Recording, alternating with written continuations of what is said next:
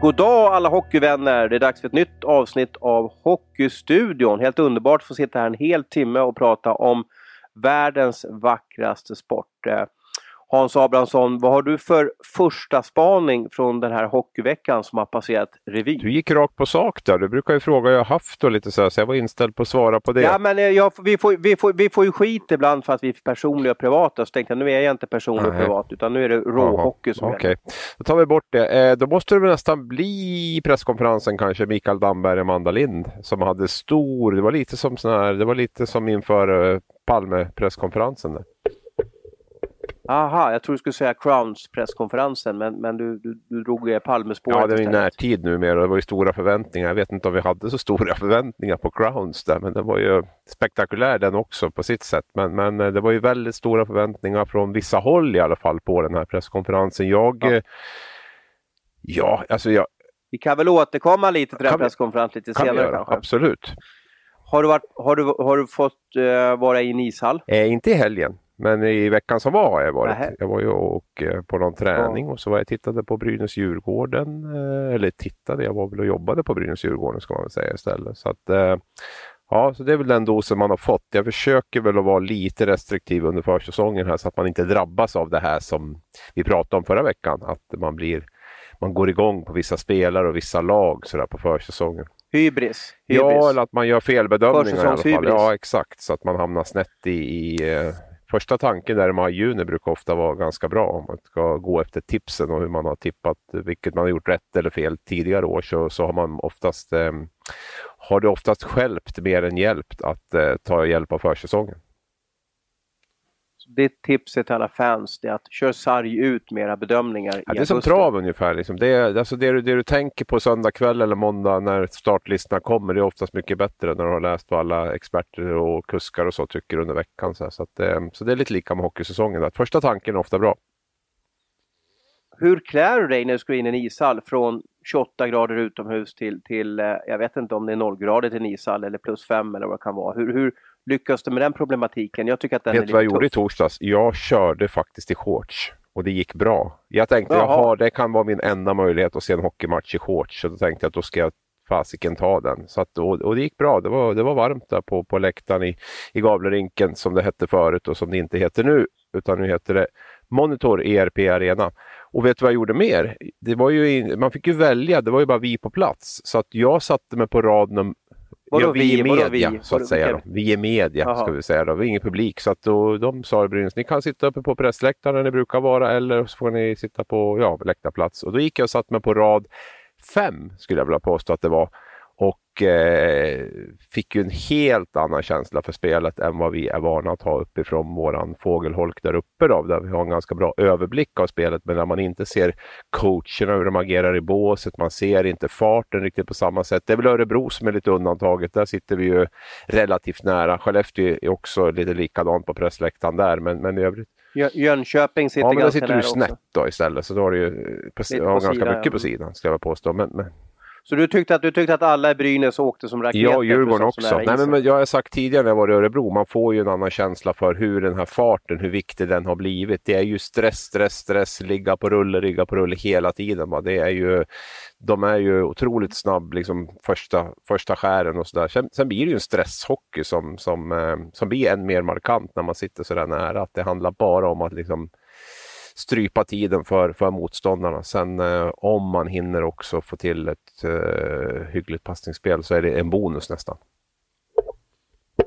Och du körde alltså kavaj, skjorta, shorts och eh, Birkenstock-sandaler? Nej, nej jag hade sneakers och, och shorts och eh, hoodie hade jag nog tror jag. Ja, nu vart det väldigt personligt här men, men eh, det kanske blir en bra mix. Ja, men jag, alltså det, är väl, det är väl ändå de som har förmånen. Det finns väl också några som sponsorer har sett få komma in i ishallar och sådär. Alltså det är, det är ju en svårighet att klä sig i augusti för att det är så varmt ute och sen blir det så råkallt under två timmar. Och eh, det är en jäkla, eh, eller fel, en oerhörd utmaning att få till det där. Eh, det kanske är en, eh, det kanske är en, eh, en ilandsproblematik men eh, eh, för oss i det här skrået så är det speciellt att klara av eh, eh, och ha passande kläder både för en ishall och kunna överleva utomhus. Det, det, det är speciellt. Du vet ju själv på hockey-VM när man håller på och svettig utomhus. Så ska du in och så ska du stå kanske en riktigt råkall eh, liten eh, träningshalva och så står du och fryser i två timmar och då, då blir du sjuk mm. en vecka. Så. Du får väl delge lyssnarna ditt bästa klädtips då. Nu har jag tagit shorts-varianten här så nu får väl du Ja, nej men jag, jag kör ju med jeans. Uh, jag, jag, tycker shorts, jag vet inte, varje gång jag har shorts på mig en ishall så tycker jag jag får hån av Rönnberg och, och, ja, du vet liksom, har du shorts på jobbet? Ja, du ja. vet liksom så Och då, då, får jag dåligt självförtroende och då tycker jag inte jag levererar lika Nej, bra i mitt det är jobb. ju faktiskt, eh, de är ju ganska snabba på att påpeka det där. Så att då, det är ju, det är ju en, en, en vågdelare. Jag funderade innan jag gick upp dit, men så tänkte jag nej, men den här gången får det faktiskt bli så. För det var nog typ 31 grader eller någonting när jag, när jag åkte upp, så jag kände att nej, det får, de får håna mig om de vill. Andreas Alm var duktig på det, kommer jag ihåg. Jag hade, tror jag, enda gången jag haft shorts när jag bevakade fotboll. Det var han direkt fram och, påpekade då efteråt när jag pratade med honom han var tränare i AIK. Ja. Då skaffade sig tränaren överläge mot journalister. Jag vet liksom. inte om han hånade mig heller, men han sa vilken landsortstidning kommer du ifrån? sa han. Mm, ja. Han var ganska så... Han klädde in det fint där, men jag förstod piken direkt och tänkte jag ska aldrig mer ha shorts på mig. Från eh, klädval och lite tips hur man eh, överlever i en ishall i augusti till, eh, ja vad ska vi kalla det för? Nej men vi hoppar rakt på den här PKn som var i, vi ska se här, eh, fredags måste den vara, va Abris? Ja, det var han, klockan 10. Det var ju så att på torsdagskvällen, ganska sent, så spreds det att regeringen kallade till presskonferens med idrottsministern och inrikesministern. Och det var klockan 10.00 på, på fredagen och det uppstod en gigantisk våg av förväntningar överallt. Det var på något sätt att vi stannade upp och, och, och tro att nu ska någon eh, uppfinna en evighetsmaskin. Nu, nu har vi löst all, eh, all kris som finns. Uh, och den kris vi lever i just nu, det är väl den är ganska banal för det är väl egentligen, ska vi få gå på ishockey eller inte? Hur, hur kommer fansen få konsumera ishockey kommande veckorna, månaderna och säsongen? Eh, man kan ju tycka att det kanske inte är så jätteproblematik om man tänker på andra utmaningar i samhället och så vidare. Va? Men, men hur tycker du med lite distans, hur sammanfattar du den här presskonferensen? Jag tycker att den var ganska väntad måste jag säga. Alltså, det, de, det de sa, jag hade inte förväntat mig så mycket annat egentligen. Man öppnade ju upp det, ha, det hade, hade jag. Det. Ja, men det då är det intressant att höra din. Ja. Vad, hade du, vad hade du förväntat ja, men vi tar, vi, du kan, ja, men börja med din lågmälda. Eh, ja, men vi är alltså, ju ett, jätte, vi är ju ett jättesvårt läge och det har jag sagt i två poddar tidigare som jag har gjort här nu. Vi, vi vet inte vart, vart det här tar vägen någonstans med, med smittan och att i det läget då gå ut och, och basunera ut att vi ska köra 60 eh, beläggning i, i, i hockeyarenorna i den 19 september tyckte jag kändes väldigt långt borta om jag ska vara, vara helt ärlig. Och, eh, så att jag, det här var ju en försiktig öppning nu. Vi är ändå nere på 50 personer här, så det är ju en, det är ju en bit att gå eh, om man nu ska köra någon typ av trappa eller liksom känna av hur det här går och så. Jag menar, Sverige har ju varit ganska så här, kritiserat för sin strategi kan man väl säga och jag tror att man också är väldigt rädd nu känner man att man ändå har liksom fått kontroll på det. Det kan vara rätt väg men man är också väldigt försiktig för att det ska liksom blossa upp igen här för nu, då blir det väl då eh, vaknar väl Norge och Finland till igen misstänker jag och trycker på oss lite extra. Danmark också för den delen. Va? Så jag, jag, tror också att man är, man är väldigt försiktig när, när det gäller de här bitarna och, och det har jag full förståelse för. Jag hade inte förväntat mig att du skulle gå från 0 till 100 på, på, på ett par veckor här bara för att SHL drar igång. Och det blir alltså en remiss eller en utredning och de öppnar för att fler människor ska kunna gå på hockeymatcher från 1 oktober. Eh, och att det blir ingen ståplats. Jo, det blir ståplats, men man får sitta på ståplats. Eh, en liten detalj som jag noterat. Jag tycker att den här siffran 1,5 eller avståndet 1,5 har nämnts förut. Nu var man uppe på 2 meter, eh, det vill säga i distansering, social distansering kan man kalla det för. Eh, meter i en arena är ganska mycket. Vad, om en arena tar 5000, jag skulle tro att det är max 1000 pers som kommer kunna se matcherna framöver på, i oktober, november, december eller hur länge den här första nivån Ja, gäller. jag höll på att räkna lite grann på det där och hade lite hjälp också av Luleås eh, pressboss Robert Hedlund där. Men vi kommer fram till att ungefär 15 procent av arenabeläggningen, i alla fall på, stol, ja, på stolarna, då, kan, kan beläggas. Då. Så har du en har du en kapacitet på, eh, på 6000 så blir det väl 900 då ungefär eh, som du får in om de direktiven ska, ska gälla. Och är det värt att släppa in 900?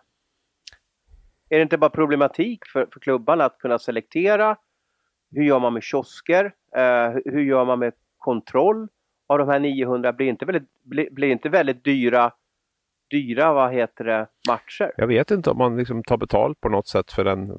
plussar på det på något sätt och tar lite, kan ta lite mera eh, avgifter då för att, för att liksom kunna sköta, sköta allt det här med rationalisera till det med, med placering och, och, allt vad det kan vara. Men jag tror väl att det finns ett jättebehov av att, att få in eh, få in eh, lite folk i alla fall i, i, i arenorna, både från klubbarna och eh, tv-bolagen och från eh, spelarna framför allt. Jag hade väl en liten det var så Carl Klingberg som skrev det, att de hade väl testat på det i Schweiz med de här nya reglerna. Det var munskydd på åskådare och allting. Och han skrev att eh, hur den är så är det 100% bättre än att det inte är några åskådare alls i arenan. Så, så att han, han hyllade det och då för jag skrev väl någonting om att jag tycker liksom att det börjar bli nästan så att det dras till sin spets där med, med man ska sitta med munskydd och spelarna ska snudda på munskydd för att spela och allt vad det är för någonting. Så att det blir... Men spelarna tror jag skulle vara i, uppskatta jättemycket om det kommer tusen personer än att det kommer noll, för det är ändå ganska stor skillnad. Mm. Jag tror det kan bli ganska tyst i arenorna ändå. Ja, vi vet ju inte vad det är för alltså, folk som släpps in. in. Vi får ju se det, men det är klart det. Ja, ja men vilka ja. väljer man då? Om du vore klubbdirektör i en klubb och du får in, ta, ta in tusen pers, hur väljer du då? Tar du in ståplatspublik som kanske är mer ljudlig och kan hjälpa klubben mer, men ståplatspubliken betalar minst för sina biljetter? Eller tar du eh, de trogna säsongarna som har säsongskort i 25 år? Eller tar du tar du de som eh, sponsrar klubben och har en loge och lägger in 100 000 per säsong. Vilka väljer du att ta in? Ja, vet, det går väl inte att undgå eh, de som har köpt säsongskort. Jag vet inte hur man ska kunna ställa dem utanför med en annan hänvisning att det är fler, alltså att vi har för många säsongskortsköpare än vad vi får in, men ni får gå i nästa match. Och det är, det är väl lite grann med, med företagslogerna också, där, att det, är väl de, det är väl de två grupperna som som kommer att, prioriteras. Sen vet jag inte, men det är klart att det går att köpa säsongskort även på, på, på ståplats misstänker jag. Och, uh, ja, ja, ja, det är klart det gör det. det, är klart det, gör det. De lär naturligtvis också räknas in i, i den här mixen på, på, på något sätt. Då. Oh, det där Nej. blir inte roligt. Jag vet ju att, jag sa, jag sa i den podd förut att AIK fotboll hade ju sådär att vi släpper in alla eller inga. Vi kommer inte välja ut. Vi kommer inte välja bland våra, våra fans, våra supportrar, vilka som ska få se en match. Eh, och jag vet att AIK hade en uträkning där, eh, de tar in 45 000 på Friends. Med de här nya regelverket då eh, så kunde de ta in 8 000. Så det, det, låter, det rimmar ju ungefär med vad du och Hedlund kom fram till för avstånd. Då, då pratar vi alltså 8 000 på mm. den gigantiska nationalarenan Friends. Och då nyttjar man hela, det vill säga liksom, det kan sitta några högst upp också med kikare och försöka kolla på matchen. Så att Ja, och jag ska inte låta negativ. Det är väl bra att de här 8000 får se det, eller de här 900 i, i Coop Arena eller, eller, eller eh, i, i eh, Monitor ERP Arena. Det är väl bättre att kanske 900 får se noll. Jag måste försöka se det positivt, men åh, jag vill bara att det ska bli normalt och precis som förut. Ja, vad hade du för Kan inte du dra in nu vad du hade trott att de skulle köra där på PK? Jag trodde att de skulle öppna upp och att de skulle se ett idrottsevenemang lite mer som en, en Ullared-dag eller, eller så när man eh, sitter på flyget. Du vet när man sitter på flyget så, så, så det är fulla flyg nu för det går inte så många flyg och så säger de i kabinen var noggrann och håll avstånden. Mm. Hur håller man avståndet när man sitter i ett, eh, ett tresitssäte på ett flyg? Det är, väl att du inte, det är väl att du inte ska och, och det, hänga ja. över på, på din granne där och börja dra någon sån där hockeyanekdot jo, för honom. Jo men, Jo, men du, du sitter ju fem centimeter jo, från honom. Men eh, jag försökte bara. Hur, hur håller du avstånd om du sitter fast? Frågade inte du det personal? Du kanske inte har flugit förresten? Nej, jag har nej, inte flugit, men jag hade en, en nära vän som flög och blev, var väldigt orolig för att, för att han trodde att, att det skulle vara eh, varannat säte eller att man satt en person på säte, men flyget var ju fullt. Mm. Och så tyckte han att det var komiskt eller otäckt eh, när, när de sa i högtalarna att var noggrann och håll avstånd till varandra, tänk mm. på varandra. Och så sitter man fastspänd där. Eller när man åker pendeltåg i Stockholm klockan 16.45 från Stockholm central ut mot eh, Tumba, Stuvsta, Södertälje. Och så är det kanske 500 pers på den här mm. pendeln. Det är inte så lätt att hålla avstånd då heller. Nej, det ses väl kanske som mer eh, allmännyttat. Ja, jag förstår inte ihop det. Men, men, men igen, jag, jag, får ju kritik för att jag är lite negativ och, och sådär. Men, men ja, det är väl bättre att det blir 800 och 900. Och varför vi pratar om det är därför att regeringen har tagit beslut att de ska kika på en förändring, att de ska öppna för att kulturevenemang och idrottsevenemang eh, får ta in mer än 50 personer på, på sina tillställningar. Och det var från första oktober ska eh, väl tillägga va? Inte jag helt...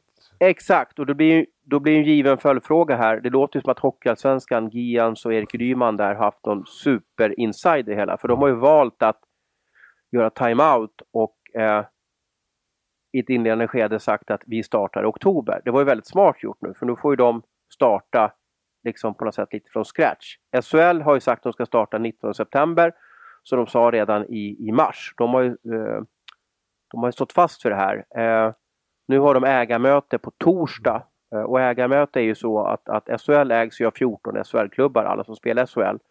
Och då har alla var sin röst då eh, i det här. Det är ordföranden som brukar åka ner på de här ägarmötena. Eh, och så sitter de och diskuterar om stora frågor, det vill säga inte om, om man ska köra med svart ISO eller, eller vit ISO på, på klubban utan man, man, pratar om stora frågor som har påverkan på, på, eh, på SHL. Och en sån fråga blir ju hur gör de nu med SHL-starten? Ska man börja 19 eller ska man flytta de fyra första omgångarna och spela dem i, i mars eller april? Eller ska man trycka in de här eh, omgång 1, 2, 3, 4 under säsong? Eller ska man köra från den 19? Vad tycker du Abris? Vad är bäst för svensk hockey? När ska SHL börja? Nu såg jag, det är ju inte sådär vansinnigt mycket matcher i september, men jag såg att någon tyckte att... Ja, Nej, det, är, det är fyra ja, matcher va?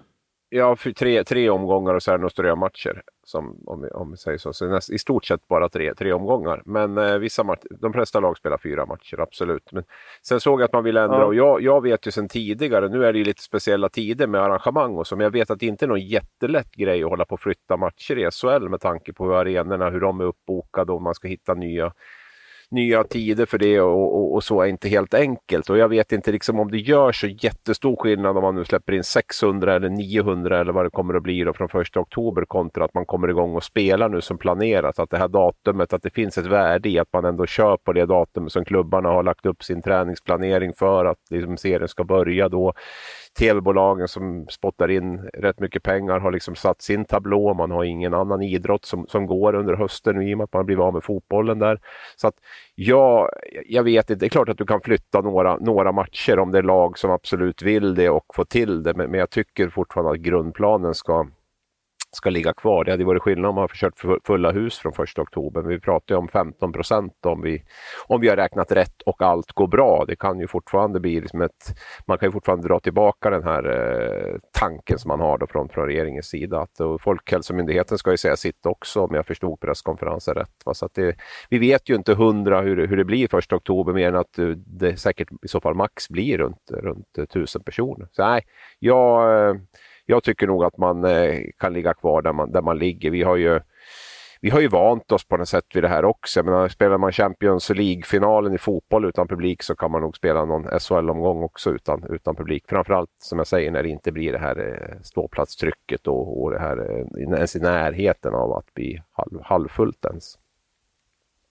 Mm. Och jag tycker att man kan flytta de här omgångarna med lätthet då 1 till 4 till eh, efter omgång 52. Och var, vad jag baserar det på det är ju att man har flyttat fram hockey-VM två veckor. Eh, jag tror hockey-VM börjar, vad sa vi, 21 maj, var det så vi kom fram till? Ja, till 6 juni vi, någonting ja. slutar i alla fall. Så att, eh, det kan nog stämma då va? Att det är 21 till, ja. ja. Och då, och då kan man och jag älskar Jo, men det gjorde man ju långt när, tidigare. Nu pratar vi ju två, tre veckor fram att man ska flytta på det i så fall. Hockey-VM bestämdes ju ett år innan turneringen började att den skulle spelas. Ja, men jag menar att då kan man ju lägga de här omgångarna 1 till 4 eh, efter grundserien.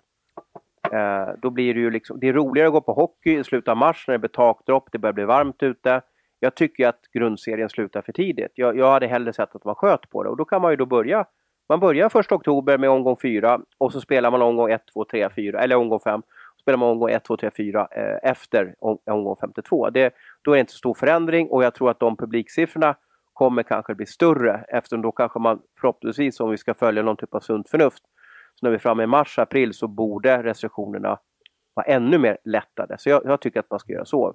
Kör, kör igång från omgång 5 och så kör vi omgång 1, 4 efter säsongen och det blir inte så stort glapp mellan SHLs final i, när den spelas i april eller de kanske blir ännu mer i maj och hockey börjar. Så då får vi hockey hela tiden och så och så blir det bra för alla som älskar hockey. Så alla lyckliga. Jag. Vi måste väl också, ja men det är bra att du tycker lite olika. Men eh, oavsett så ska vi väl också nämna den här miljarden för den är ju inte heller eh, helt oviktig i det här som också presenterades på, på presskonferensen. Då, att, eh, Men det blir ju fotbollen som får den. Liksom. Ja, en stor del får de ju naturligtvis av det. Men jag tror inte att... Jag tror inte att det är de som har, li- det är de som har jo, lidit jo, men jag tror inte att SHL-klubbarna går, går helt lottlösa från dem, om jag ska vara helt ärlig. Utan det, jag tror också att de kommer att få den största ja. delen. Med. Jag, tror, jag tror hockeyn får 80 procent, för det är ju de som liksom... Eh, och du ska, det är ju det är idrotten ja. vet du, som... Men nu menar du att fotbollen får 80 procent, inte hockeyn? Ah, jag, jag, jag tänkte hockeyn jämfört med hockeyn så, så, så, tror jag hockeyn får, eller fotbollen får ja, mycket ja, mer än hockeyn. Men sen, men, men, sen har du ju, du vet, du satt och kollade på, jag vet inte om du satt och kollade på Diamond League igår, gjorde du det från Stockholms Nej, stadion? det gjorde jag faktiskt inte. Nej, och det var ju liksom en helt tom arena och det var eh, Mondo hoppade jättehögt över 6 meter och, och fantastiska stål kast, kastade sin diskus eh, två, två kilometer kändes som. Och det var helt tomt på stadion. Så det är ju många som blir lidande. Det är många som jo, är del av den här miljarden. Om får 20 procent eh. då, så, så, så är det ändå 200 miljoner. Och jag tror att SHL ja, får åtminstone ja. hälften av dem. Och, Tror du det? Ja, jag tänkte att du har, eh, du har ju också Hockeyettan, oh. du, har, eh, du har ju många klubbar som vill vara med där. Det kanske blir en, liten slant i alla fall då, men, men du menar att de ska delas ut till de här klubbarna som har eh, hemmamatcher i september? Är det så du tänker? Ja, under hösten skulle jag kunna tänka mig att de gör, med att de inte kommer att ha sin kapacitet. Ja. Och jag vet ju vad SHL-klubbarna fick ju 60 miljoner. Då när halva beloppet delades ut så fick ju SHL-klubbarna 60 miljoner bara för att slutspelet rök. Det var inte ens deras serie utan slutspelet mm. rök. Och jag, menar, jag skulle mycket väl kunna tänka mig att det handlar om en 100 miljoner som kommer att gå dit nu i, i kompenserade mm. publikintäkter. För det, så att, ja. Eh, ja och då och ekonomiskt sett så jag, jag tänker mer på fans att jag vill att de ska kunna se och därför tycker jag det var roligare om, om vi har fulla hus i underbara hockeymånaden slutet av mars än att, att 100 pers, eller fel, 1000 pers, får, eller fel, nej, 5, 49 pers får se matchen i september. Då hade jag hellre sett att, att, äh, att 6000 pers får se matcherna i slutet av mars. Det hade jag tyckt var roligare. Jo, det tycker väl alla. Men sen vet vi ju inte hur det ser ut i oktober. Det kan ju vara 500-600 i oktober också. Det jag är inne på här är att de, ja, det, kommer ju, ja. det, kommer, det kommer knappast att vara full publikkapacitet eh, före jul i alla fall. Det kan vi väl vara ganska överens om. Och då nej, innebär det ju nej, att då är det ju ganska så... många, vad var du sa, HV drar in en miljon på en match. Ja. ja, med de här klapparna ja, och allting. Och jag menar, då är det ju det är ganska mycket som, som, som kommer att skickas in om, om kompensation därifrån och eh, jag, jag, jag tror att de kommer att, att, få en, en, en ganska rejäl sudd så att man kanske får ja, kanske uppåt en 7-8 miljoner, kanske uppåt 10 miljoner per klubb om det nu blir stort mm. publikbortfall. Mm ja, ekonomiskt tror de, tror de klarar. Jag tror att de är, är, är smarta där. Eh, jag, jag, tänker mest på fansen. Att jag, jag vill ju att de ska få se matcherna. Det är så jag tänker. Det vore ju tråkigt då att exempelvis Leksand som har tre matcher hemma i september, att inga får gå och se deras matcher. Eh, jag hade hellre sett att de fick spela sina matcher i slutet av mars så att ju många som möjligt kan få se matcherna. Men vi får se vad som händer. Beslut eh, från SHL på torsdag och när ska regeringen komma med, med när har de svingat färdigt med sitt trollspö? När kommer de med Så blir idrotten i, i oktober? Har du något Nej, datum där som man kan... Möjligt att jag var lite ouppmärksam där på presskonferensen, men jag förstod det som att det skulle, det var inget fast datum utan man skulle ju ta en runda med, med, med Tegnells eh, Folkhälsomyndigheten här nu och liksom få tillbaka ja, deras, vad de tycker om det och sen ska de väl liksom jobba fram det här. Då. Men, men eh, så att jag, jag har inte något datum att, att, komma med så. Jag tror inte heller att det har blivit något fast datum när det ska, när det ska ske.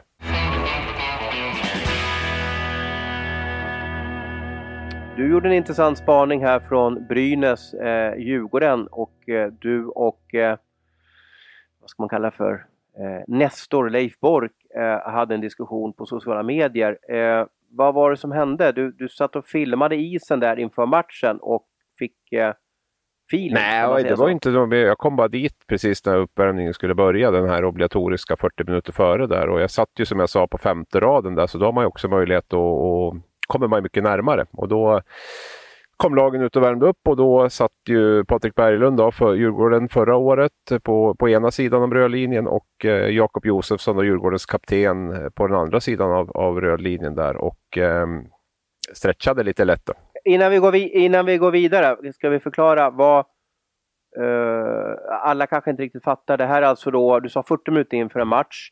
Uh, vad gör spelarna då? Vad, vad, är, vad, är, vad händer inför en match? Varför är de på isen då? Ja, vad, är meningen nu är vi ganska så här nischad hockeypodd så jag tror att de flesta vet att det är en obligatorisk värvning. Och sen, men jag, vi kör den. Alltså, ja, spelarna, Jag tänkte bara back, ja, back ja, to basics. Absolut. Inte, 40, minut, 40 minuter före matchen startar så går båda lagen ut och kör en gemensam isvärmning som är 20 minuter lång och där man eh, på olika sätt, en del kör stenhårt start och stopp och en del bara åker ut och bara känner på skridskorna och man var ganska ganska fritt bara man förbereder sig själv på, på, på bästa sätt för, för att vara i ordning till, till matchen. Där. Så, så, och sen kör ju lagen givetvis alltså, övningar som, som, som alla är med på. Eller, alltså, den grejen då. Så att det är inte bara att flöjta runt men, men ganska mycket frihet.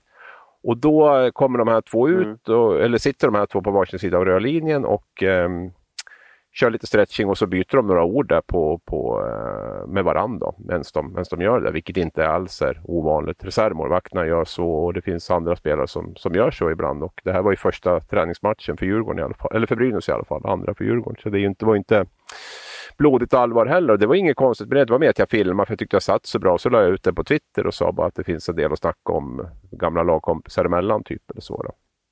Och då eh, vaknade ju Leif Bork, vilket jag inte var ett dugg förvånad över, för han har väl haft de här diskussionerna tidigare. Då tycker jag att det är bedrövligt då att, eh, att spelare diskuterar med varandra, eh, motståndare diskuterar med varandra före så nära tätt in på match. Då. Och eh, fick väl medhåll till stor del av många och ja, även en del mothugg då av andra. Och jag, jag tillhör ju de som, som inte står på Borks sida i det här, eh, utan jag tycker att eh, det handlar väldigt mycket om vad man gör när pucken släpps. Och om vi tar Jakob Josefsson som ett exempel så har jag svårt att se ett större superproffs i SHL än, än just eh, honom. Och ska man då gå in och reglera vad han får göra och inte göra under en uppvärmning för att det ska vara lika för alla så tycker jag att det blir att dra någonting till absurdum och det är väl det har väl varit Leif Borgs problem hela hans tränarkarriär, framförallt under 2000-talet, att, att just inte kunna göra den här skillnaden mellan, mellan eh, spelare och spelare, utan alla, alla, ska, alla ska följa samma regler och eh, jag tycker ju inte att det leder till något, eh, till att man får ett, ett vinnande lag heller. Sen ska det finnas regler, det är inget snack om saker. Han börjar dra paralleller om det var okej okay att dricka fyra öl eller om man skulle kunna snickra på sommarstugan istället för att komma och träna. Och det, det är inte det det handlar om, utan det handlar ju om att man i vissa lägen så måste också spelare ha viss frihet att göra saker. Mm. Och den inre kärnan i frågeställningen alltså är, blir man för mycket polare om man sitter där och, och, och myssnackar under stretchen så att man inte kan tackla motståndaren under match. Nej, och är, är, det det som det leder till så är det ju ett problem och det, då får man ju ta det problemet under match. Då med, med den, om man ser de tendenserna under match så får man ju ta den, den problematiken med spelaren och jag tror inte att sådana spelare överlever i, i en professionell hockeyvärld om man, om man eh, åker runt och är liksom kompis med, med, med motståndarna på isen. För det, det, det, funkar inte och jag behöver egentligen inte kolla på Jakob Josefsson extra för jag vet vad han står för. Men jag gjorde det ändå under den här matchen och det, han, han går ju fullständigt i bräschen för Djurgården hela matchen. Han är inne och spelar tre mot fem, han täcker skott, han vinner viktiga tekningar, han leder deras offensiv. Alltså han är ju motorn i allting och jag tror att gå in och liksom peta i sådana saker då och säga du, när han kommer in efter upp, Jakob det där vill jag aldrig se något mer från din sida. Han visar ju hela tiden på isen, går i bräschen för, för sitt lag och det tycker jag betyder mycket mer. Men jag tror att han skulle slasha Patrik Berglund i ett speciellt läge för att Berglund skulle få en bra målchans? Ja, det, ja, ja, det tror jag definitivt att han skulle göra. Josefsson vill ju vinna och han är ju, hela hans hela hans liksom, approach på isen är ju, han ger ju alltid järnet i, i mina ögon va? och liksom är ju nästan oförsiktig med sig själv för att han eh, kör så pass hårt. Va? Han går in i situationer som man kanske inte borde gå in i, med, i och med att han är så viktig för Djurgården. Men, men, och därför blir också skadad ibland. Eh, så att det där. Jag kan, ju, jag kan ju också tycka i min hobbykarriär eh, som idrottsman så möter man en polare eller vad fan det är för något eh, jämfört med någon som man inte känner igen eller har så bra kontakt med vill vara ännu mer viktigt. Alltså det är ännu roligare att vinna då. Man blir ju ännu mer svart i ögonen då för att man, man vill ju verkligen nästa gång man träffas, ja hur gick det? Eller håna lite på sms eller någonting sådär. Vad, fan vad dålig du var någonting, eller hur? Så känner ja. jag i alla fall. Det är roligare att spöa polarna än att bli förnedrad. Ja, ja, och för mig är det ju alltså det, det man visar när pucken är släppt. Det, det är det som för mig står för någonting. Sen kan man väl åka runt där och vara jättearg på, på uppvärmningen och banka klubban i sargen och skjuta puckar på motståndarna. Sen kanske de inte visar speciellt mycket under matchen och för mig är ju det liksom, faller det ganska platt om jag ska vara helt ärlig. Utan jag, jag, jag gillar de här. Men för mig handlar ju det här om, Leif Bork vill ju vara den stora stjärnan och han har ju haft svårt att hantera stjärnor. Han är ju själv ett stort ego och han det tror jag är den största problematiken, att ingen, ingen får ju bli större än, än honom på något sätt. Va? Och då, då måste man hålla spelarna ned, nedtryckta. Nu eh, har inte Leif Bork chans att svara. Här, men... Är det en generationsfråga kanske? Att den äldre generationen tycker att äh, men det är vi i gänget. Så, de är de, vi är vi. Åk inte där och lalla med dem. Är, är det en generationsfråga tror du? Jag tror att det är jätteviktigt att man är uppdaterad med den tid man, man, man lever i. Att man, att man eh, utvecklas i sitt ledarskap. Att man, att man ser att man måste kanske dra i andra trådar och trycka på andra strängar. Och det, det är mycket, alltså Djurgården på 80-talet så var det väl kanske inte högaktuellt att åka och snacka med AIK inför ett derby. Det, det, det, det är fullt medvetet. Ja, jag menade lite synen på ja. det här. Att, att det ja, blir, jag vet. Jag är ganska gammal själv på något sätt. Va? Och, eh, jag är ju över 50 här nu så att jag vet inte, jag tillhör väl också den här äldre generationen på något sätt. Och jag, jag kan ju tycka men, men åker, du och, åker du och småpratar med Expressen inför hockey? Jag har haft svårt med det där lite grann. Jag, det ska jag erkänna att jag, ju, jag har ju själv lite fostrad... Jag vet någon gång vi har suttit i en bil att du har inte varit sugen när jag har bjudit in lite konkurrenter och Nej men det finns väl kvar. Då har du fått lite jo, men det finns väl kvar. Jag var ingen ja. själv som åkte och snackade med motståndare på uppvärmningen och så. Men jag, jag har full respekt för att jag hade lagkompisar som gjorde det och som jag kände att om de mår bra av det och ändå går ut och ger järnet för laget när matchen börjar så är det fine för mig. Och det är det jag tycker att människor måste ju få, måste, måste ju få olika. Spelare måste ju få ha rätt till sin olika uppladdning och jag tror också att det är den, de olikheterna som skapar en, en bra kemi för att liksom kunna skapa ett vinnande lag. Sen får det absolut inte gå överstyr att det är massa stjärnor som gör precis hur de vill och, och, inte gör det bästa för laget. Men just att kunna läsa av det där, det tror jag är skillnaden mellan coacher som vinner någonting och coacher som aldrig kommer att vinna någonting. Och eh, sen får man väl eh, får man väl räkna ut själv vilka, vilken kategori av coach, vilken typ av coach jag, jag, syftar på där. Va? Men för mig är ju ledarskap ändå att liksom kunna hantera de här olikheterna. Det finns ju ingenting som är lättare än att sätta de här reglerna gäller för alla hela tiden. Va? Det, det klarar ju vem som helst. Det kan ju Lukasjenko göra i Vitryssland eller kan en coach göra i ett hockeylag. Och visst, då, då är det ju ingen som går utanför ramarna. Men får man ut det här maximala av den här gruppen då, det är jag högst tveksam till. Och, eh, Okej, lite småfrågor. Vad som är okej med motståndare inför en match. Eh, får du krama en motståndare inför en match? Nej, inför en match, vad innebär, vad innebär det när man träffas två timmar innan samling? Ja, 16.00, 6, ja, 16.30 när alla kommer till matchen där samtidigt. Ja, men det tycker jag absolut att man kan göra. Det tycker jag absolut att man kan göra. Det beror lite på vad man har för relation, ja. men alltså det är också, jag, jag kan tycka att Ja, vad är idrott då? Alltså det, på ett sätt så är det ju ett förbrödrande också. Så, det, så det, vi ska, man ska ju också ha respekt för varandra. Man ska liksom kunna...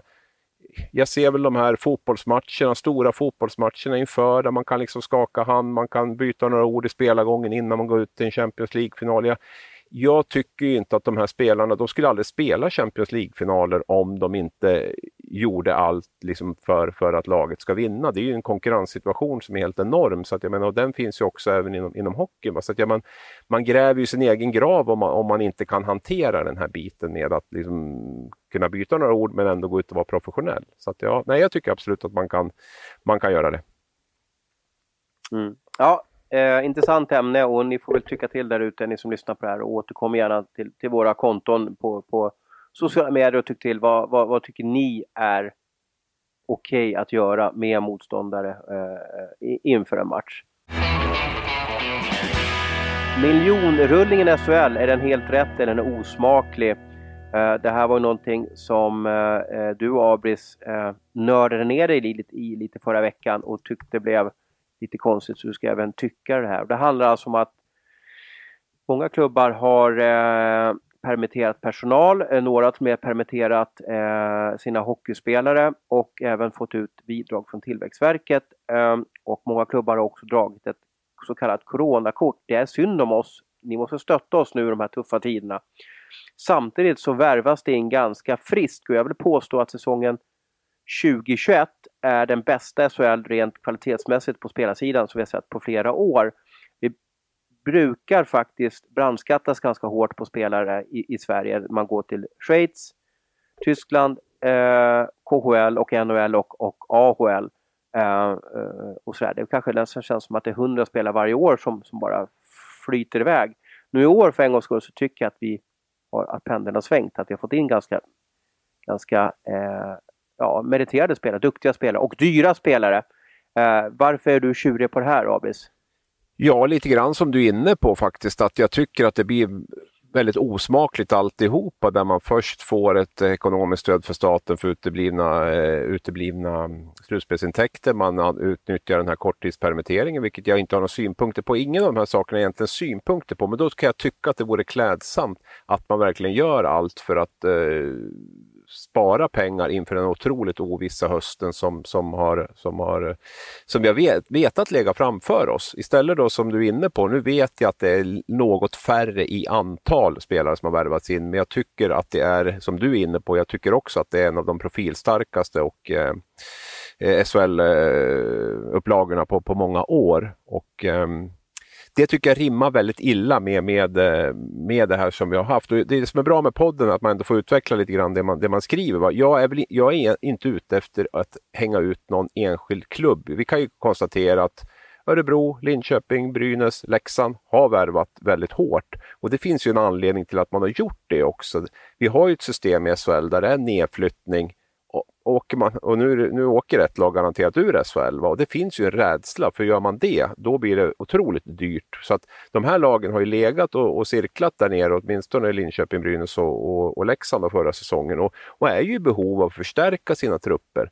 Luleå kan man säga som jag lyfter fram till viss del. Man har ju ett bra lag på pappret redan. Man hade värvat in Linus Klaser redan innan coronan bröt ut som en dyr värvning. Man, man, man valde att inte ta in speciellt mycket mer efter det. De värvningar man har gjort var klara. Så att alla lag sitter ju i en egen situation lite grann och det ska, man, det ska man ha respekt för. Det är lätt att hänga ut de här fyra lagen som har värvat och det var inte min mening med den här tyckan utan det är helhetssituationen jag tror att de tog, de, du träffade i alla fall, Lansen träffades liksom ja, rakt i, i ja, jo, jo, jag står för... En klubbledare för ja. ett av de här lagen eh, kom fram till mig och frågade hur är det med Abris? Ja. Eh, frågade han. Och då började jag fundera, liksom, det, det snurrade i mitt huvud och sådär. Vadå är Abris? Har det, har jag missat någonting? Har, har det hänt någonting i hans familj? Jag pratar ändå mer med dig än jag pratar med min fru. Så jag kände att jag brukar ju veta om du har 36,2 eller 37,5. Alltså jag, jag, jag kan ju dig så att säga. Så jag frågade, vadå Abris, vad, har det hänt något? Så säger, ja men han sa ju att han mådde illa och mådde dåligt i en text här. Eh, och mm. sådär. Och då, då flinade jag lite. Det var ju för ja, var din tyckare. Han, han, han, han lekte lite med Absolut, orden. Absolut, och, den, och jag, jag står för hela situationen. Men har du mått illa? Ja, ja, ja, har jag, tycker, jag tycker att det är osmakligt och jag tycker att det är så onödigt. Och jag ska väl utveckla det lite grann om jag får någon minut till här så ska jag göra det. Att jag, det jag tycker är att det, det handlar om att bara man bränner en jäkla massa pengar bara för att konkurrera med varann, vilket i sin tur kan leda till att SHL-klubbarna går 20-30 miljoner back den här säsongen. Till vilken nytta frågar jag? Ja, för att man ska ha lite bättre lag och för att man ska kunna tävla, dels undvika att åka ur och dels kunna vara med och tävla om det här eh, SM-guldet. Och jag tycker att den här, vi, vi borde inte haft någon eh, nedflyttning i den här säsongen. Jag tycker man borde ha stängt ligan i tidigt skede om man inte kunde begränsa värvningarna mer än vad man har klarat av. För jag trodde i min enfald, och det kanske SHL-ledningen också trodde, att det här skulle liksom dämpa värvningsviljan. Eh, Men de här klubbarna som har legat dåligt till, som har haft fans som har varit missnöjda, de har ju naturligtvis gått all in nu och vill liksom förstärka upp sina lag. Vilket jag, vilka, men, men, vad ger det för effekt på Hockeyallsvenskan om du skulle stänga ja, jag vill flytta upp, Jag vill flytta upp ett lag. Det laget som ska upp ska upp, ja. så vi får köra 15 lag. Så vi kör med 15 lag där, 21, 22? och det alltså. tycker jag. Och sen ska två lag åka ur då? Två lag åka ur säsongen efter, exakt. Ja. Nu är det ju för okay. sent, nu går det inte att göra för nu har vi redan värvat. Men jag tycker att man kunde ha stängt truppen. Jag har full respekt. De kontrakt som var klara redan, de ska vi fullfölja. De spelare som har kontrakt, de ska, de ska vi naturligtvis ha kvar sina kontrakt. Men de här extra spelarna som alla lag har adderat tycker jag, eh, jag tycker det rimmar väldigt illa med att man försöker att och vara så sparsam det bara går. För jag tror fansen hade älskat sina klubbar ändå utan de här spetsspelarna som har värvats in på slutet. Jag tror de har haft full förståelse och full respekt för för att man hade kunnat kanske gått med 15-16 spelare och, och fyllt på med, med, några juniorer i så fall tills man visste mer om, om situationen. Men det är ju den här nedflyttnings nedflyttningsproblematiken som ställer till det till stor del. Och eh, jag tycker att rädslan att åka ur gör ju att klubbarna rustar och även att man ska vara lite mera framgångsrika slutspelet till viss del. Va? Och det gör ju att vi, vi bränner så himla mycket pengar helt i onödan bara internt inom SHL. Och ett välmående SHL är ju så otroligt viktigt för hela svenska ishockeyn. För det är ju de som kanaliserar, nu har de ju också förstått vidden av att kanalisera pengar ner i systemet. Vi har fått till ett ganska bra system på många sätt de senaste två åren här vad händer med de pengarna framöver? Vad händer med juniorsatsningar? Vad händer med dam, damsatsningarna? Vad händer med de här moderklubbarna som får 10% av NHL-pengarna? Det, det är ju sådana saker som jag är jätteorolig för att det, det, de, det är där man vrider åt kranen först. Och, eh, det kan jag, det kan... jag tror inte man vrider av den kranen, men jag förstår ju också klubbarna. Det vill säga, har du en säsong där du förlorar 40 matcher och så ska du mitt under den säsongen eh, göra nya partnerskap med, med, med företagarna. Du ska börja sälja säsongskort nästa säsong. Och så har du ett pissigt mm. lag mm. igen. Ja, men hur lätt? Då går du ju nästan mm. under. Då kommer du aldrig ur den här trenden. Så att, att, att, att värva spelare kan ju vara ett måste, men det kan ju vara svårt.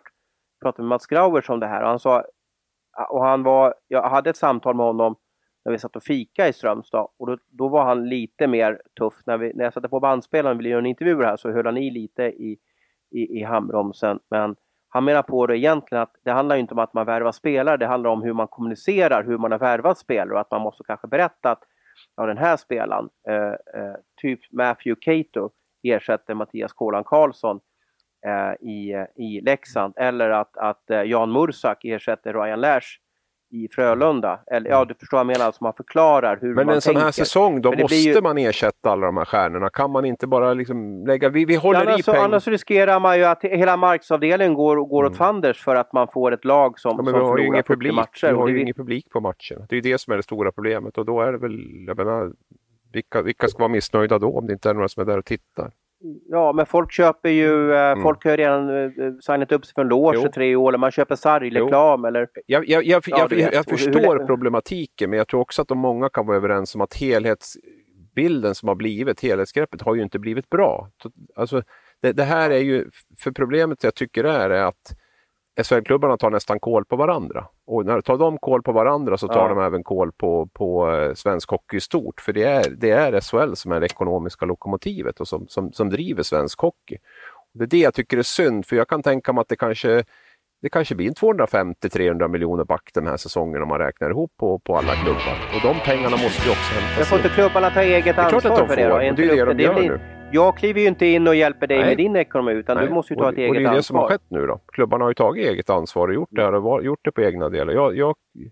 Vilken klubb mådde du mest illa av? Vem fick du mest Nej, jag, jag kan förstå alla klubbar. Klubb? Jag hänger inte ut någon klubb på det sättet. Jag tycker bara att helhets, helhetsbilden har inte blivit bra av det här. Alltså det totala har inte har inte blivit något bra. Jag, jag, kan ha full förståelse för hur Brynäs och Leksand har agerat och Linköping har agerat. Jag, jag förstår, jag förstår, Örebro, Örebro, jag förstår också, mekanismerna bakom det här, men jag tycker att de här klubbarna kanske borde fått det stödet med att vi vi, eh, vi stänger ligan den här säsongen. Vi, vi riskerar inte att åka ur. Sen är det, sen är det upp till, till varje klubb naturligtvis ändå att göra hur de vill. Men jag tror det hade lugnat ner mycket också till stor del. För jag menar, man tittar på Leksand nu då som, som som var sist ut och värva tungt, så, så tittar väl de naturligtvis på hur ser de andra SHL-trupperna ut och hur ska vi kunna klara oss med det, med det här vi har nu? Nej, det går ju inte. Vi måste ju också värva på oss ett par, tre spelare här för att eh, vi ska kunna vara med och, och undvika att åka ur. Liksom. Så det, har, det har blivit det där och nu, nu, eh, nu får vi väl se då vem som kommer att, att betala kalaset här. Sen är det väl inte alltid lätt att sitta i april, maj, juni och, och, och sia om, om framtiden till hösten. Men samtidigt så har vi ju, vi har ju högbetalda direktörer som, som, som har en, en stor del av deras arbetsbeskrivning är ju om att, att, ta tuffa och svåra beslut och då kanske man kan eh, förutse lite grann det här. För är det någonting vi har lärt oss under de här åren vi har jobbat med SHL så är det att varje klubb står sig själv närmast. Det finns ingen, ingen riktigt som tänker helhet och det är ju ett problem. Vi har ju pratat mycket om externa styrelser och, och försöka få till det på ett annat sätt som ser helheten i svensk hockey och, och i SHL i stort. Vad är bra för den? Det vi ser nu är ett resultat av där enskilda klubbar fattar sina egna beslut och där man bara ser till sitt egentligen. Lite ett återtåg till hur det var för en fyra, fem, sex år sedan. Där. Man trodde, de har, i alla fall, de har i alla fall visat det utåt att nu är det en helt annan, vi pratar på ett helt annat sätt och vi, vi går inte ut och liksom hugger varandra i ryggen och vi, vi, vi, vi, är, ja, vi, är, vi är mycket mer enade nu har man sagt. Men, men det här är också ett typexempel. Nej, det, det är ju så här att håller inte de sams inom SHL? Jag fick ett tydligt bevis på det uh, i, i helgen här när jag var nere i Strömstad. Uh, du, du får ju böter, tuffa böter om du pratar illa om andra klubbar eller om domarna. Jo, det är, jo, det är ju en sak, men då skulle man kanske också, men, men däremot när det handlar om att skaffa sig själv fördelar rent sportsligt, och så ska det väl vara, man tävlar väl på det sättet.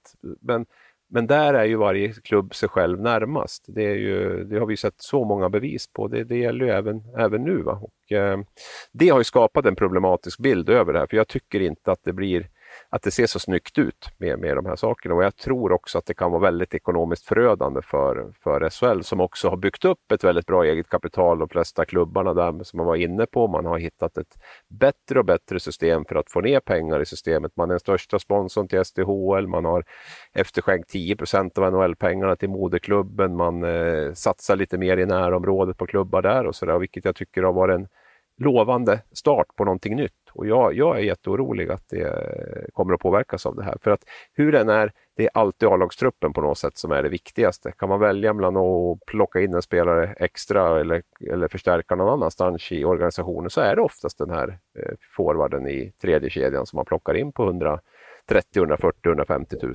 Tyvärr, tycker jag. Mm. Mats Grauer som jag pratade om, Frölundas ordförande och starke man, han, han, han jublade ju nästan från Strömstad till eh, vad var han bodde? Fiskebäck-Kil? Nej, Fjällbacka bodde han i. Så han, han bodde precis bredvid eh, Strömstad där, eh, där jag var så att säga. Så han, han, han var ju jätteorolig för att det sämsta ska hända om en klubb går under i mars eller februari. Det vore en katastrof. Ja, och jag tror ingen klubb kommer att gå under, för det finns, det finns så starka. Men däremot så är jag jätteorolig för vad det kan innebära för framtida satsningar på saker som, som jag brinner för och som jag tror är viktiga för svensk hockey. Så tror jag att det, det, det, det är mer det jag är orolig för. För klubbarna tror jag kommer att, kommer att överleva på eh, ändå den här säsongen på ett eller annat sätt. Det kommer man att göra, men det kommer att skapa en del djupa hål.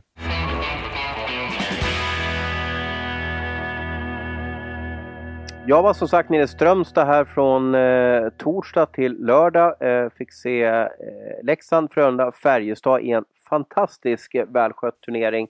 Strömstad Hockey Classic, det var första gången jag var där. Eh, eh, de gör ett oerhört bra jobb där nere i Lionsklubben och eh, det är den oerhörda passionerade hockeyvännen Daniel Olofsson som leder det där med, med kärleksfull omsorg och Åk dit Abris, det, det, var, det var magiskt att vara där som hockeyvän med närheten till, till klubbar, till spelare, till bra hockey, till eh, eh en logistik som funkade perfekt, till ett ja, det, var, eh, det var enormt. Det var, det, jag var så glad att få vara där och, och, och få börja min säsong ute i arenorna med, med, den här match, med de här matcherna. Det var helt perfekt. Men en spaning jag gjorde från läktaren, vi satt där med stort avstånd med varandra så det var svårt att prata med någon, det var väldigt ovanligt kanske folk omkring mig tycker det är skönt att jag har ju en förmåga att, att, att prata mycket. Eh, så nu kunde man inte prata med någon. Eh, men det var att det var väldigt mycket utvisningar i alla matcher jag såg. Det var som handboll, man körde några minuter, sen låste domaren av och sen funderade man på vad hände nu? Vad, eh, vad åkte pucken över sargen? Vad hände? Ja, men då var det någon hakning eller, eller felaktig eh, tröjstrap som hade åkt upp eller, eller någonting sånt där. Eh, och så vart det liksom som handboll att det vart powerplay och så spelar man runt i zon och, och så vart det inget mål och sen så vart det 5 mot 5 och så 30 sekunder senare och så de hittar någon, någon slowfoot eller, eller någonting sånt där så vart det flyttade vi över till andra zonen och så vidare.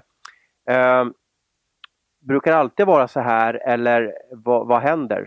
Kommer vi ha en, en eh, ska, ska domarna sätta ner skridskorna att nu är det noll som gäller, nu får ni inte göra någonting på isen? Eh, ja, det är min tanke. Jag tycker man har varit med om så många försäsonger där, där eh, det har varit en annan bedömning och man har testat en annan bedömning från början och man ska vara nitiska och, och stenhårda och sådär och sen brukar det på något sätt landa i det någorlunda normala ändå innan. Men jag vill också notera att det du har sagt och jag pratade med Peter Andersson måste ha varit efter Brynäs-Djurgården där och han sa jag har sett träningsmatcherna innan och sett att det har varit en himla massa utvisningar och eh, så blev det ju även i den här matchen sa han och eh, syftade på bland annat 7-2 minuter i första perioden där mellan Brynäs och Djurgården. In, inte allt för full period om man säger så. Och, eh, så det, det är väl klart att, men domarna är också lite lite ringrostiga och så här efter sommaren och just det där att hitta en bra nivå och liksom komma rätt i situationer och sådana saker. Det kan jag väl tänka mig att det är det de tränar mest på under, under en försäsong och eh, jag tror inte att de är jättenöjd med, med alla utvisningar de har, de har tagit och sådär men, men eh, för mig är det ingen jättedramatik i det. Jag tror inte att vi kommer att se någon revolutionerande Eh, revolutionerande förändring i, i de här spelförstörande momenten, även om det pratats om det. Däremot så var vi redan förra säsongen inne på det, domarna inne på det, att det var nolltolerans mot det här att liksom snacka med domaren, säga fula ord på isen till med, eller motspelare, liksom ens peta på domaren. det där eh, har vi ju det tror jag kommer att fortsätta även den här säsongen. De hade ju, gick väl ut i en upprop där och sagt att man får fått nog nu liksom av det här, att nu får, nu får det vara bra. Liksom. Och fick inte Rönnberg ett matchstraff mm. där också, eller ett eh, lagstraff där i, i, i båset va, efter att han hade pratat om någonting. Och jag tror att där tror jag däremot att vi kommer att kunna se en, en fortsatt hårdare attityd om man säger så.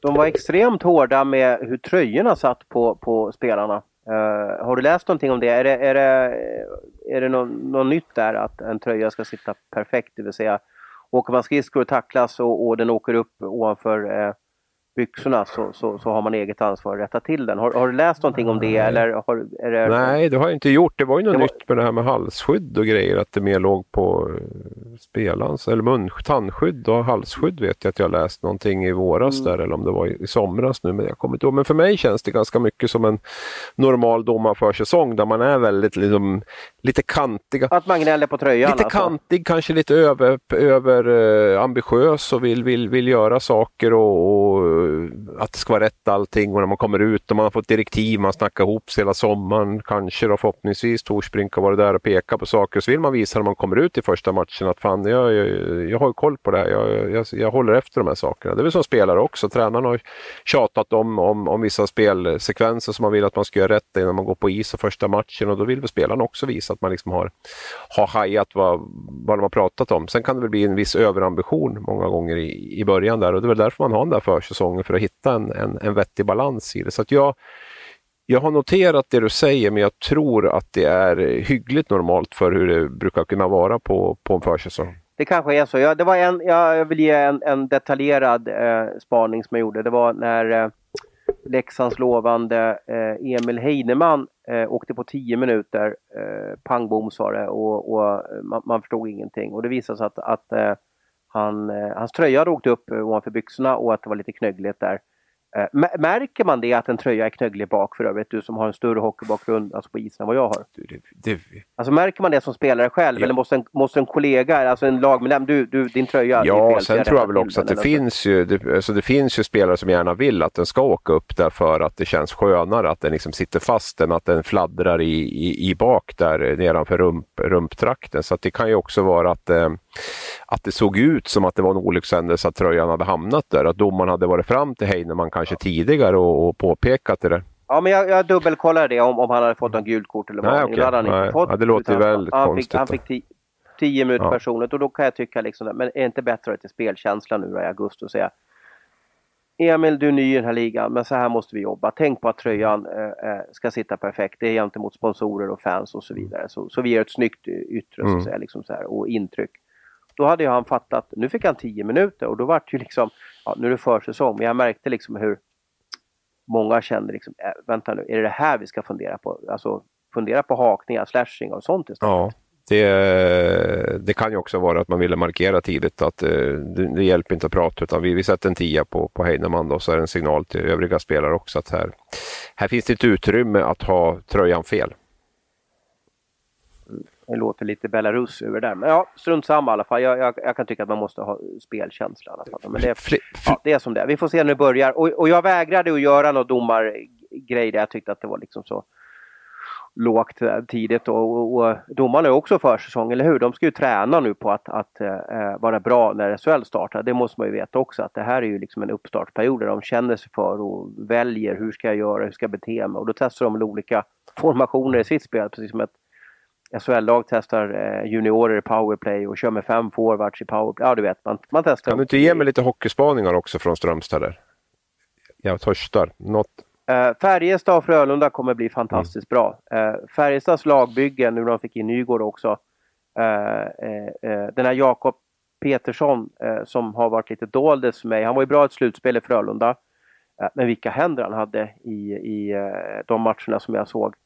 Eh, han kommer gå som eh, förmodligen kanske tredje center eller andra center i, i, i Färjestad. Han vill ju spela center. Det var ju en anledning. Han bytte från Frölunda till, till Färjestad. Det var ju en, tror vi avslöjade den övergången och vi ska slå oss för bröstet över det. Men, men det var ju så här, jag, jag vet att, eh, jag vet inte om du eller jag fick uppgifterna, så var det så här, ah, va?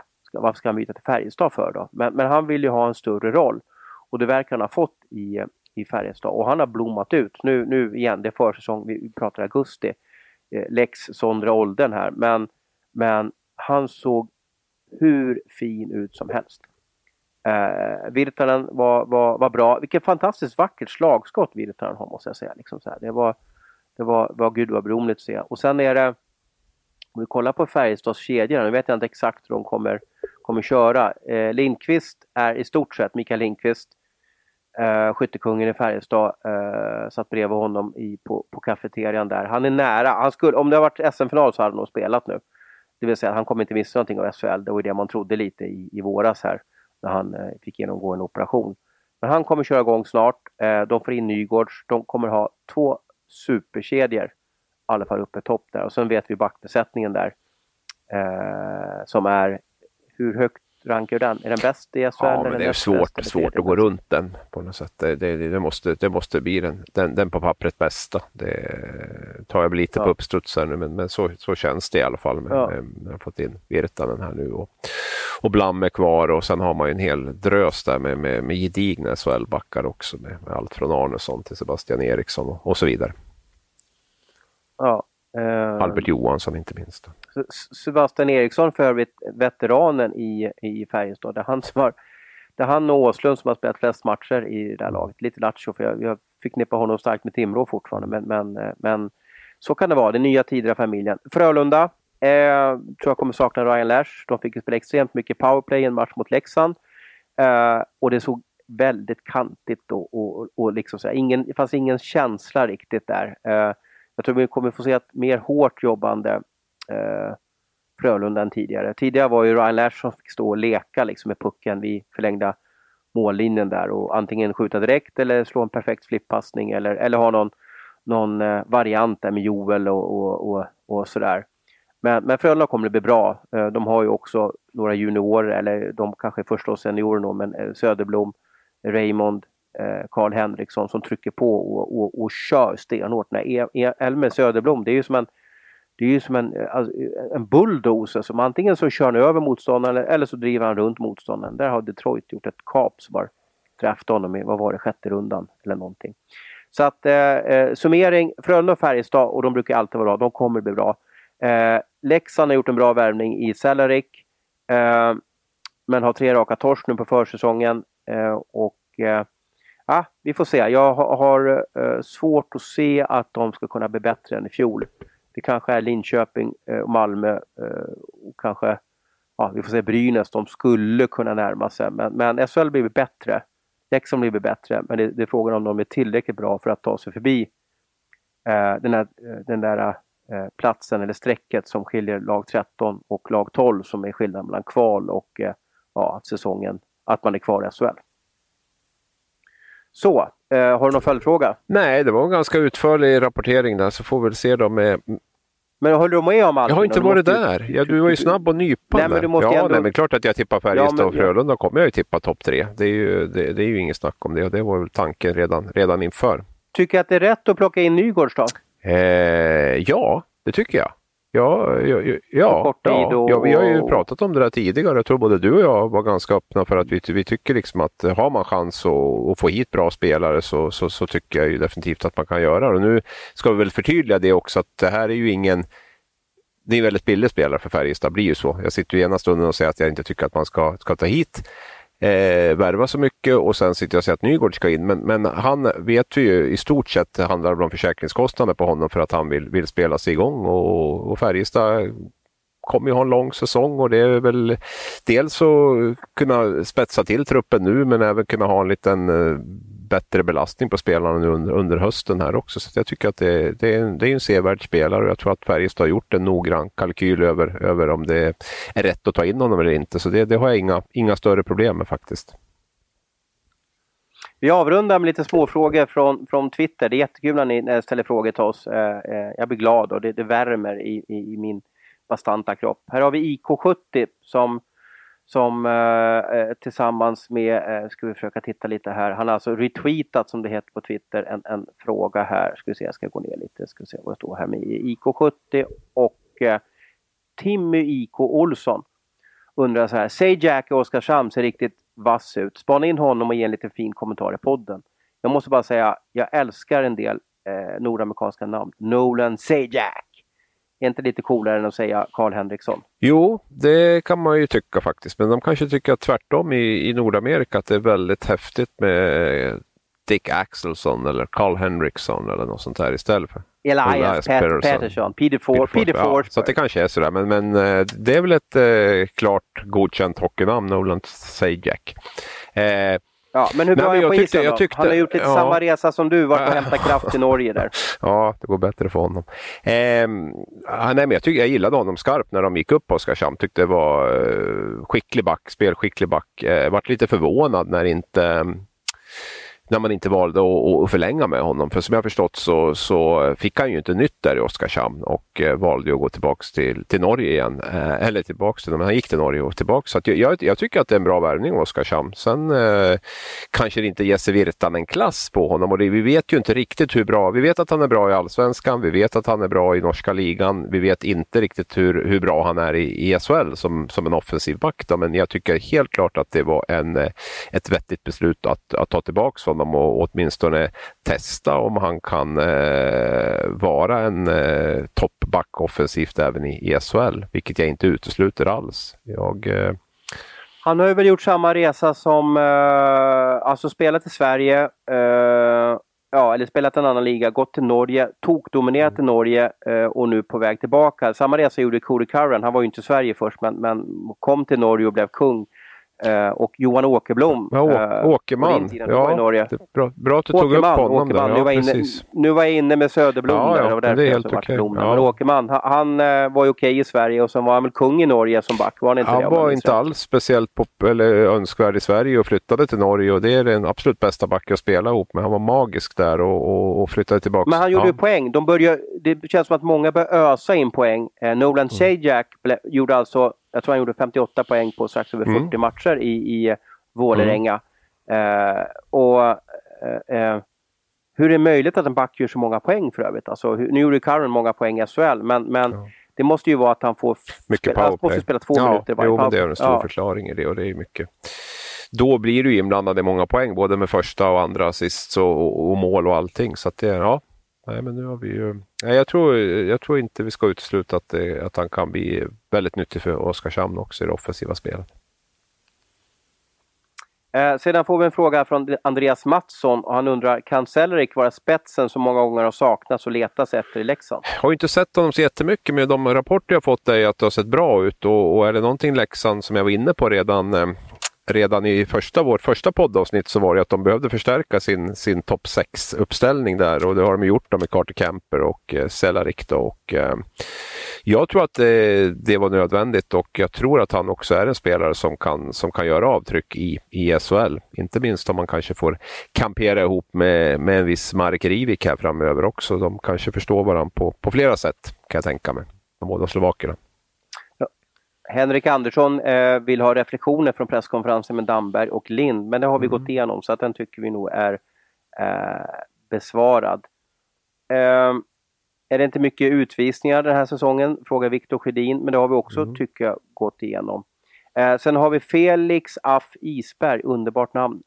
Eh, vem vinner poängligan och vem vinner skytteligan? Och den, där svarade jag Felix igår kväll att Abris kommer med svaret. Ah, du la nu. den på mig där ja, just det, just det, just ja, det. Det såg jag, jag nog en snabbis där. Du kan, du, där, där, ja, ja, men, där nej, kan men jag hade nog glömt bort att... den sedan dess. Men du, eh, jag ska sänka här nu. Uh, ja, men jag säger... Ska du nej, sänka eller tänka? Jag, eh, då säger jag poängligan på Anton Rödin och skytteligan på Mikael Lindqvist. Det här bygger ju väldigt mm, mycket mm, på att de får vara skadefria och de, ju, de har ju haft lite oflyt här på senare år. Men, men det måste man ju väga in då i sitt tips. Så att jag, jag säger de två. Lindqvist är ju lite sen igång här också. Så att jag, jag, nej, jag säger de två. Men jag tror att han är med från starten. Ja, jo. Men han har ju kanske tappat lite timing och lite det... sådär, inte spelat alla försäsongsmatcher. Men ja, ja, han har ju en förmåga att vara, och han är ju inte bara en målskytt förresten, han hade ju lika gärna varit poängkung i stort sett. Då, men han, han spelar ju fram också. Men, men eh, nej, han är, det, är en, det är en häftig sniper. Så att då, med den uppställningen Färjestad kommer att ha i egentligen båda lagen. Jag tror Brynäs kommer att få ett riktigt bra powerplay och jag tror Färjestad också kommer att få ett riktigt bra powerplay där. Jag såg eh, Brynäs kommer nog att matcha Scott Rödin, Emil Molin, eh, Niklas Danielsson och Patrik Berglund i sin första uppställning. Och jag, ja, de har en tradition av att vara bra i powerplay, Brynäs, det måste man ändå säga. Så Peter Andersson kommer spela Emil Molin oh, i powerplay? Absolut. Det var ju han som löste alla powerplay-knutar ah. förra säsongen. Så att, eh, gör han inte det så, eh, så blir det väldigt förvånande. Nej, men Emil har ju nyckelroll i powerplay och är det någonting han är bra i så är eller han är bra på mycket annat också, men han är framförallt väldigt, väldigt skicklig i sin position där nere vid, vid ena stolpen där jag tycker han, han hittar, ja, han hittar lösningar. Det, det måste jag säga. Nu fick äpplena faller inte långt ifrån trädet. Nej, jag hoppas liksom att han får en helt bra säsong, att knäna håller och allt vad det är för någonting. För jag tycker han har, han har mycket skills i sig. Mm. Ja, men vad bra, vi har väl klarat av ännu en podd. Eh, bra tugg. Vad har du för, vad ska du bita tag i? Vilka stenar ska du vända, vända på kommande dagarna? Ja, det är en bra fråga. Ska man, ja, vi håller ju på med massa. Det, det, du vet ju själv, det är mycket, mycket, bollar i luften just nu så vi måste plocka ner. Men har vi lite silly season som igång? Kommer det komma Nej, någon bomb inte som, här? Jag alltså, har, liksom, kom... inte som jag har. Den här tiden, om man säger från ja, augusti kan väl säga fram till, handlar ju väldigt mycket om sådana där eh, inför eh, alltså, genomgångar av lagen och vi vill bjuda fansen på Sätta sig in ja, i allting. även liksom leverera något utåt då med, med allt från, från djupanalyser till eh, till eh, ja, listor och, och, allt vad det är för någonting. Så att det brukar vara relativt lugnt just på silvermarknaden. Nästan alla lag är ju så himla nöjda med sina trupper i augusti. Det finns ju nästan ingen som, som vill ha någonting och tycker att det ser jättebra ut. Sen brukar det ju förändras med någon skada och några förluster och sådär. Men, men den här tiden är ju relativt lugn när det gäller nyförvärv. Nu får vi väl se lite med allsvenskan där också. Det lär väl droppa in en massa NHL-spelare ytterligare där i, i den då. De är rastlösa ja, hör jag. De, de vill komma igång och, och, och träna ja, och spela. Och samtidigt så är det en, ja, det en balansgång i det här också med, med, med liksom den här eh, glädjen över nya spelare. Det blir lite, lite blandat med tanke på att det inte är publik och man vet att klubbarna blöder. Pratar vi SHL, hockeyallsvenska klubbarna har ju det ännu tuffare, liksom, som lever på, på, eh, till stor del på publikintäkter, mycket större del än SHL gör. Va? Och får, bara ta in, får de bara ta in 15 procent, jag menar vad, vad innebär det i en arena med ja, 2 500 åskådare, då, då är vi nere på, på kanske 300-400 i så fall. Och det är ju, ja, det, det, det känns lite, lite jobbigt att det, att det, att det är på, på det här sättet som, som det är för att jag, jag känner att det kommer bli svårt att få ihop plus och minus för, för väldigt många klubbar den här säsongen. Och jag, man vill ju inte att det ska handla om ekonomi. Man vill ju inget heller än att det ska vara hockeyn och att det, man får vara glad över de här stjärnnamnen som ändå har kommit till SHL. Det är ju det, är det vi törstar efter att eh, liksom, få de här spelarna och vi har varit ledsna över att så många har lämnat tidigare och kanske inte. Och sen när, man, när de väl kommer så, så känner man den här lilla oron i magen över att hur ska det här liksom, hur ska det bära sig? Med de fina orden så tycker jag att vi avrundar för idag och du Abris, nu är det faktiskt mindre än en månad kvar tills det förhoppningsvis startar igång. Känns inte det underbart roligt? Jo, vi säger så. Tack för att ni lyssnade. Vi hörs eh, nästa vecka igen.